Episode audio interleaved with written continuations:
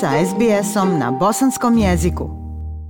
Slušate program SBS radija na bosanskom. U narednim minutama govorimo o temi brige za starije, to jest paketima kućne njege na koje stariji australci čekaju i do 18 mjeseci uprkos preporukama Kraljevske komisije iz 2021. godine da se skrate liste čekanja. Jedan zagovornik iz ove branše sugeriše da bi unajmljivanje radno sposobnih penzionera moglo pomoći u boljoj brizi za starije osobe. Prilog Brook Young. Svetlana Hansen radi u sektoru za brigu o starima, brinući o slabijim i starijim osobama koje žive u udobnosti svoga doma. Ona sama ima 75 godina. I love my people. I love my vulnerable old people. You know, they, they, they are amazing, all of them. Volim ove ljude, volim svoje ranjive starce. Oni su nevjerovatni, svi oni. Svi oni imaju svoju historiju, svi imaju stvaran život. Oni imaju 97, 98, 93 godine, a još uvijek su puni života. Volim to. Pošto je njena penzija uslovljena imovinskim stanjem, a prihodi su oporezovani, ona često vidi malo od novca koji zarađuje od svojih 30 sati nedjeljno. I can't understand why the pensioner who are working, who are doing something for this society. Ne mogu razumjeti zašto penzioneri koji rade, koji rade nešto dobro za ovo društvo, treba da budu kažnjeni zbog toga. Ne samo da plaćamo 50 centi na svaki dolar, mi plaćamo dupli porez. Trenutno penzioneri mogu zaraditi do 480 dolara na dvije sedmice, a da to ne utiče na njihovu penziju, nakon čega im se oporezuje 50 centi za svaki zarađeni dolar iznad toga, zbog čega mnogi rade za manje od minimalne plate. U međuvremenu rastući deficit radnika u sektoru brige o starima ostavlja hiljade australaca koji se brinu za svoje starije i voljene bez ikakve podrške. Među njima je i Michelle Banner. Zdravlje njene 78-godišnje majke naglo se pogoršalo nakon što je ostala udovica, zbog čega joj je očajnički potrebna pomoć. Međutim, bilo je prošlo više od šest mjeseci prije nego što je konačno dobila pomoć koja joj je bila potrebna. Um,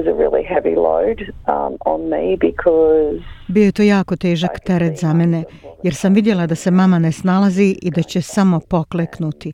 Morala sam puno toga u svom životu staviti na čekanje, samo da bih pomogla mami. A sada, znajući koliko su duge liste čekanja za kućnu njegu, gospođa Venner strahuje za svog svekra. On ima 96 godina i nedavno mu je diagnosticiran rak prostate i gospođa Wenner je zabrinuta da neće moći dobiti potrebnu kućnu njegu prije nego što bude prekasno.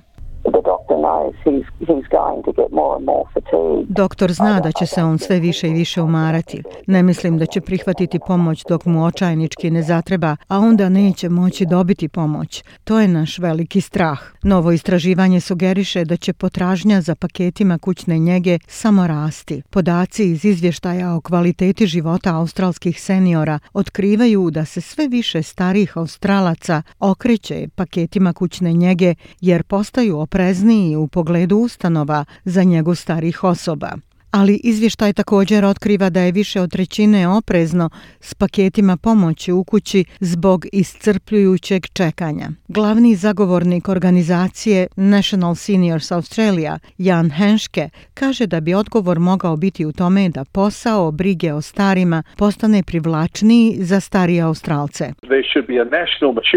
Trebao bi postojati nacionalni pripravnički staž za kućnu njegu za ljude zrelih godina koji bi trebao biti pokrenut pokrenut širom zemlje kako bi se popunila rastuća potražnja za radnicima. Još uvijek postoji deset od hiljadu ljudi, rekao bih stotine od hiljadu ljudi koji su u kasnim 60. i ranim 70. godinama koji bi radili u kućnoj njezi i njezi starih i drugim industrijama da nisu toliko novčano kažnjeni. U izvještaju Kraljevske komisije za brigu o starima iz 2021. dugo čekanje na pakete kućne njege opisano je kao okrutno i diskriminatorno, jer se pokazalo da su mnogi ljudi umrli čekajući ili su bili prisiljeni otići u starački dom. Nakon objavljivanja izvještaja, ministar zdravstva Greg Hunt najavio je da će 80.000 dodatnih paketa kućne njege biti podijeljeno u naredne dvije godine kako bi se skratilo ovo vrijeme čekanja. Ministar za brigu o starima, senator Richard Colbeck, branio je postupke vlade po tom pitanju.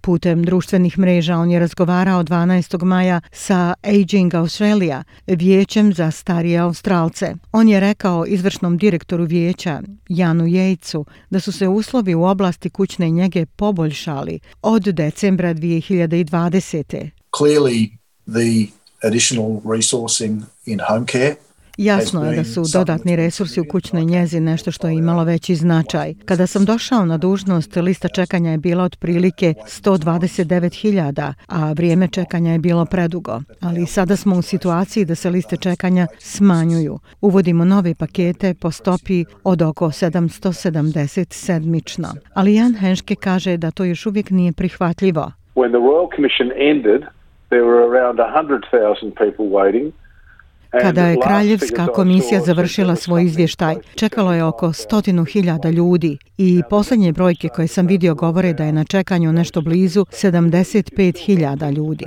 Sada će vlada reći da je srušila te brojke, ali jasno je da ako još uvijek imate desetine hiljada koji čekaju, to nije dovoljno dobro. Veliki problem je naravno nedostatak radnika za kućnu njegu. Australija ima 5,8 miliona baby boomera koji prolaze kroz sistem. Dakle, treba će nam sve sve više i više radnika i sve više i više tih radnika moraće biti obučeno unutar našeg društva. Kako ljudima dati pakete kućne njege ako nemate dovoljno radnika? Brojke iz odjeljenja za socijalne usluge govore da samo 2,9% penzionera zapravo radi za prihod. Mark McBriart je vlasnik kompanije My Care Solution koja pruža usluge kućne njege u Adelaidu za koji radi Svetlana Hansen. On bi volio da ima više penzionera poput nje u ovom poslu. Imali su svoja vlastita životna iskustva. Iskusili su tugu, gubitak i usamljenost. Ja samo mislim da to gradi empatiju i mislim da ljudi malo kasnije u životu nalaze posao koji cijene i mislim da iz perspektive klijenta imaju nekoga ko bi mogao biti iz generacije njihove djece i to čini da taj odnos ide mnogo lakše ali on kaže da sa tako visokim poreznim stopama i prinudom da o svojim prihodima stalno izvještavaju Centerlink, mnogi penzioneri odbijaju mogućnost da prihvate posao. Imamo puno ljudi koji bi možda željeli ostati preko noći s klijentom, što je 10 sati, samo biti tamo i biti sigurnosna tačka za nekoga ko se možda vratio kući iz bolnice i oni su u dobroj poziciji da to urade. Ali opet ako počnu da gube penzije i moraju da prijavljuju stalno svaki dohodak, najvjerovatnije je da bi mogli reći neću preuzeti tu ulogu ili neću prihvatiti taj posao. Dr. Carly Jonko je zamjenica direktora Centra za starenje, kogniciju i dobrobit na Univerzitetu Macquarie. Kaže da će potražnja za paketima kućne njege vjerovatno nastaviti rasti.